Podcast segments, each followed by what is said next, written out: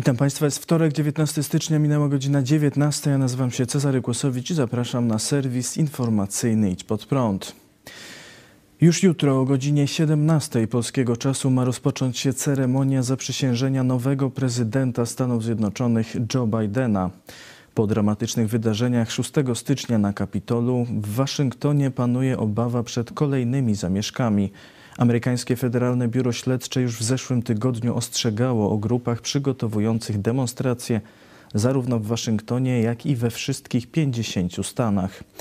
Wczoraj FBI poinformowało, że prowadzi weryfikację członków Gwardii Narodowej, którzy mają zabezpieczać ceremonię. Do stolicy wysłano ponad 20 tysięcy gwardzistów. Wczoraj ewakuowano osoby uczestniczące w próbie przed ceremonią zaprzysiężenia. Według oficjalnych informacji powodem ewakuacji był pożar pod mostem kilka przecznic dalej. Również wczoraj policja aresztowała radnego ze stanu Nowy Meksyk, lidera grupy Kowboje dla Trumpa, który wszedł 6 stycznia na teren Kapitolu, choć nie wszedł do wnętrza budynków. Zapowiadał, że wróci do stolicy 20 stycznia z karabinem i rewolwerem. Przed uleganiem prowokacjom ostrzega Art Thompson, lider John Birch Society, największej antykomunistycznej organizacji na świecie. Nasi wrogowie chcą, byśmy angażowali się w fizyczną konfrontację, a potem w prawdziwą walkę na ulicach. Potem media mogą tego użyć jako usprawiedliwienie dla ograniczenia konserwatywnych i konstytucyjnych organizacji. Media i media społecznościowe nie są naszymi przyjaciółmi. Okazywali to wielokrotnie. Użyją każdej fizycznej konfrontacji przeciwko stronie konstytucjonalistów i konserwatystów i pokażą, że Ameryka ma do czynienia z buntem i przemocą z naszej strony. W najbliższych miesiącach i później musimy bardzo dbać o to, jak się zachowujemy. Nie idźmy im na rękę. W nadchodzącym czasie nasza republika będzie potrzebować każdego konserwatysty i każdej konstytucyjnej organizacji. Jego słowa skomentował dziś w dogrywce Idź pod prąd pastor Paweł Chojecki. Ostrzegało. Pamiętajcie, żadnych działań ulicznych, żadnych działań ulicznych, żadnych konfrontacji, bo to jest, komuniści są w tym świetni oni was zniszczą. Oni wyślą prowokatorów, oni zmienią cel waszej manifestacji, oni ośmieszą was, mają też swoich dziennikarzy i prowokatorów, no to już wiecie, co z tego może być. I całą nawet manifestację mogą odwrócić przeciwko wam, że wy chcieliście co innego, to właśnie fałszywa flaga, a zostanie to skierowane na całkiem inny tor. To właśnie stało się 6 stycznia. O spokój do osób podających się za jego zwolenników apelował kilkukrotnie sam prezydent Donald Trump. W specjalnym oświadczeniu stwierdził, na przemoc i wandalizm nie ma miejsca w naszym kraju ani w naszym ruchu. Make America Great Again stała zawsze za obroną rządów prawa. Nikt, kto prawdziwie mnie wspiera, nie może stosować politycznej przemocy. Nikt, kto prawdziwie mnie wspiera, nie może okazywać braku szacunku dla sił porządkowych i dla naszej wspaniałej amerykańskiej flagi. Nikt, kto wprawdziwie mnie wspiera, nie może grozić lub prześladować innych Amerykanów. Jeśli robisz którąkolwiek z tych rzeczy, to nie wspierasz naszego ruchu, ale go atakujesz.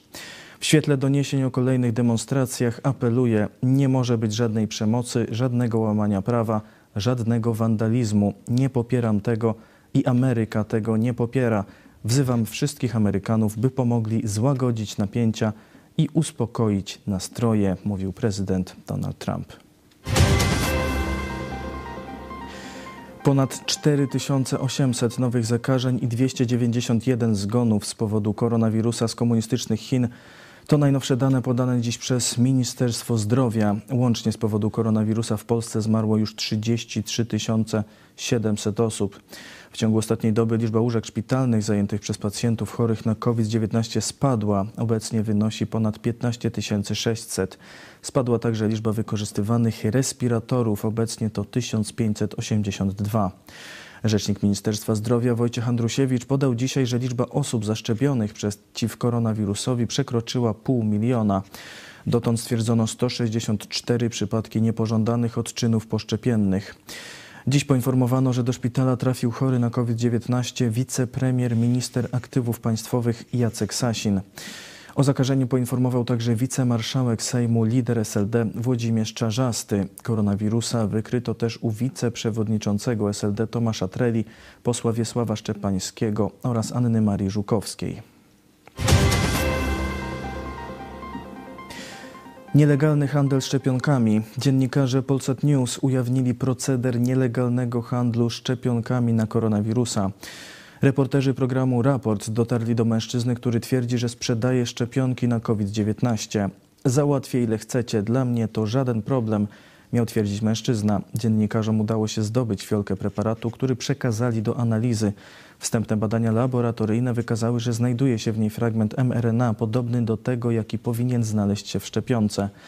Profesor Krzysztof Pyrć, wirusolog z Uniwersytetu Jagiellońskiego w Krakowie, stwierdził, że potrzeba jeszcze czasu na dokończenie badań, ale preparat wygląda bardzo podobnie do tego, jaki powinien być w szczepionce. Mężczyzna, który sprzedał dziennikarzom preparat, miał twierdzić, że sprzedał już 1500 fiolek, czyli około 25 tysięcy dawek. Już ponad 2 miliony 50 tysięcy osób zmarło z powodu chińskiego koronawirusa na świecie. Tylko w ciągu ostatniej doby zmarło ponad 9200 osób. Kolejne państwa podejmują nowe działania do walki z pandemią. W kraju związkowym Saksonia w Niemczech powstają miejsca, w których osadzane będą osoby notorycznie łamiące zasady kwarantanny. Według dziennika Die Welt osadzonych w obozach pilnować będzie policja, a podobne ośrodki mają zostać otwarte także w kraju związkowym Schleswig-Holstein. Podobne plany ma Brandenburgia, gdzie trwają rozmowy o przekształceniu części obozu dla uchodźców w obóz dla osób niestosujących się do reguł kwarantanny. W Brazylii jutro mają rozpocząć się szczepienia przeciw koronawirusowi.